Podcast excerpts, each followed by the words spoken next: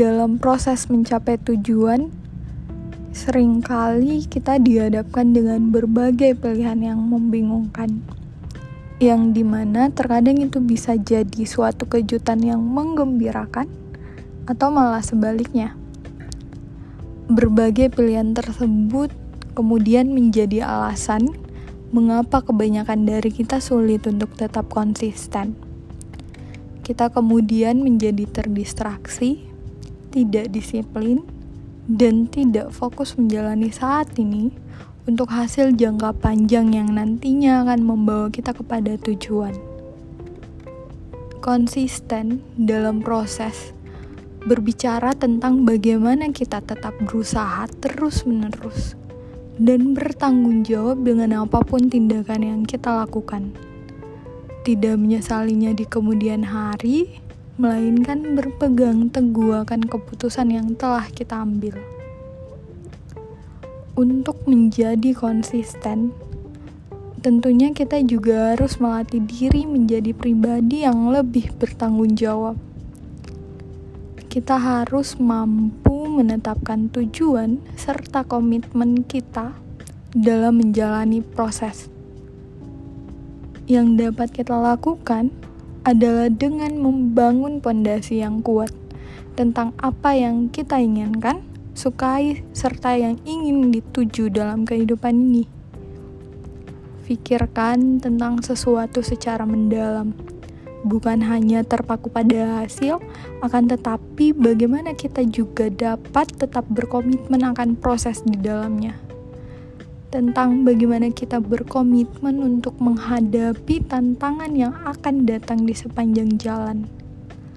Apakah kita tetap bersedia belajar dan mengembangkan diri, apalagi ketika kita menghadapi kegagalan? Apakah tujuan tersebut adalah benar-benar yang kita inginkan, atau hanya karena pengaruh orang lain? Jujurlah pada diri sendiri untuk bagaimana kita dapat menentukan tujuan dengan benar. Konsisten juga tentang bagaimana kita dapat fokus pada satu hal dan mempertahankannya. Kita dapat fokus satu demi satu hal terlebih dahulu. Ingat bahwa kita tidak dapat langsung berada pada angka 100 tetapi kita bisa fokus terlebih dahulu pada angka satu untuk bagaimana satu tersebut bisa menjadi dua, tiga, dan seterusnya hingga kita mencapai angka 100. Pikirkan langkah apa saja yang membawa kita ke sana. Pilih satu hal dan mempertahankan sampai melekat pada kita. Seperti contohnya, kita ingin konsisten membaca buku di setiap pagi. Konsistenlah pada kebiasaan tersebut, sampai itu benar-benar menjadi bagian dari diri kita. Contoh lainnya, jika itu adalah suatu keterampilan yang sedang kita kerjakan untuk mencapai apa yang kita tuju, fokuslah pada satu keterampilan tersebut dan kuasai. Jangan mengejar hal lain sampai kita membuat cukup usaha dan kemajuan pada langkah awal. Kemudian, konsisten bukan hanya tentang mempertahankan, akan tetapi bagaimana hal tersebut juga dapat berkelanjutan. Yang di mana beberapa dari kita sering kali ketika memulai sesuatu terlalu banyak terfokus pada detail kecil kita terkadang membuatnya jauh lebih kompleks dari yang seharusnya. Karena kita terlalu takut akan kemungkinan-kemungkinan buruk yang sebenarnya belum tentu terjadi. Ingat, kunci keberlanjutan adalah kesederhanaan.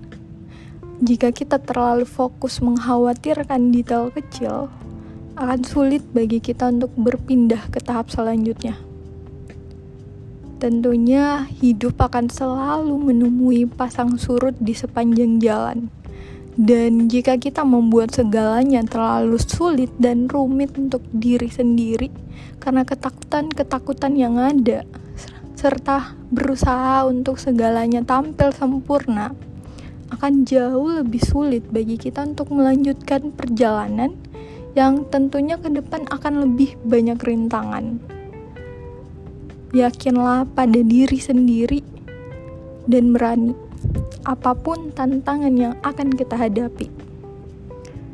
Selanjutnya, konsisten berarti perbaikan secara terus-menerus. Untuk menjadi konsisten dalam proses, kita dapat mengikuti prinsip Kaizen, yang di mana Kaizen ini merupakan prinsip mengatasi rasa malas, yang dalam bahasa Jepang bermakna perbaikan berkesinambungan. Filsafat ini berpandangan bahwa hidup kita hendaknya fokus pada upaya perbaikan terus-menerus untuk menjadi lebih baik dari sebelumnya tentang kita yang seharusnya tidak bertujuan untuk kesempurnaan, melainkan untuk upaya yang konsisten dan berkelanjutan yang akan menghasilkan peningkatan yang signifikan. Sederhananya, melakukan sesuatu yang sedikit tapi rutin setiap hari dan berulang-ulang lebih baik daripada melakukan banyak hal tapi jarang perubahan yang dilakukan untuk menjadi lebih baik bukanlah perubahan yang besar dan mendadak.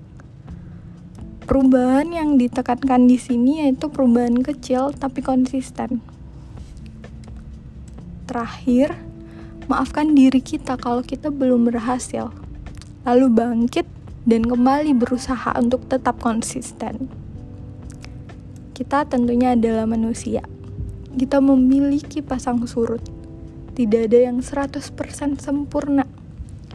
Akan ada saat-saat ketika kita tersesat atau terhalang oleh keadaan. Kita bisa menjadi ambisius untuk konsisten dalam proses.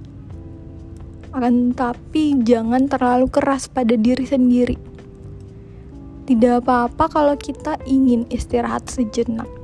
Akan tetapi jangan berujung menyalahkan diri sendiri dan menyerah apresiasi setiap pencapaian serta perubahan kita untuk menjadi pribadi yang konsisten. Terkadang hidup bisa menghalangi kita, tidak peduli seberapa keras kita berusaha untuk berkomitmen. Dan itu adalah hal yang wajar. Misal kita tiba-tiba jatuh sakit, sehingga usaha konsisten kita untuk membaca buku menjadi terhambat.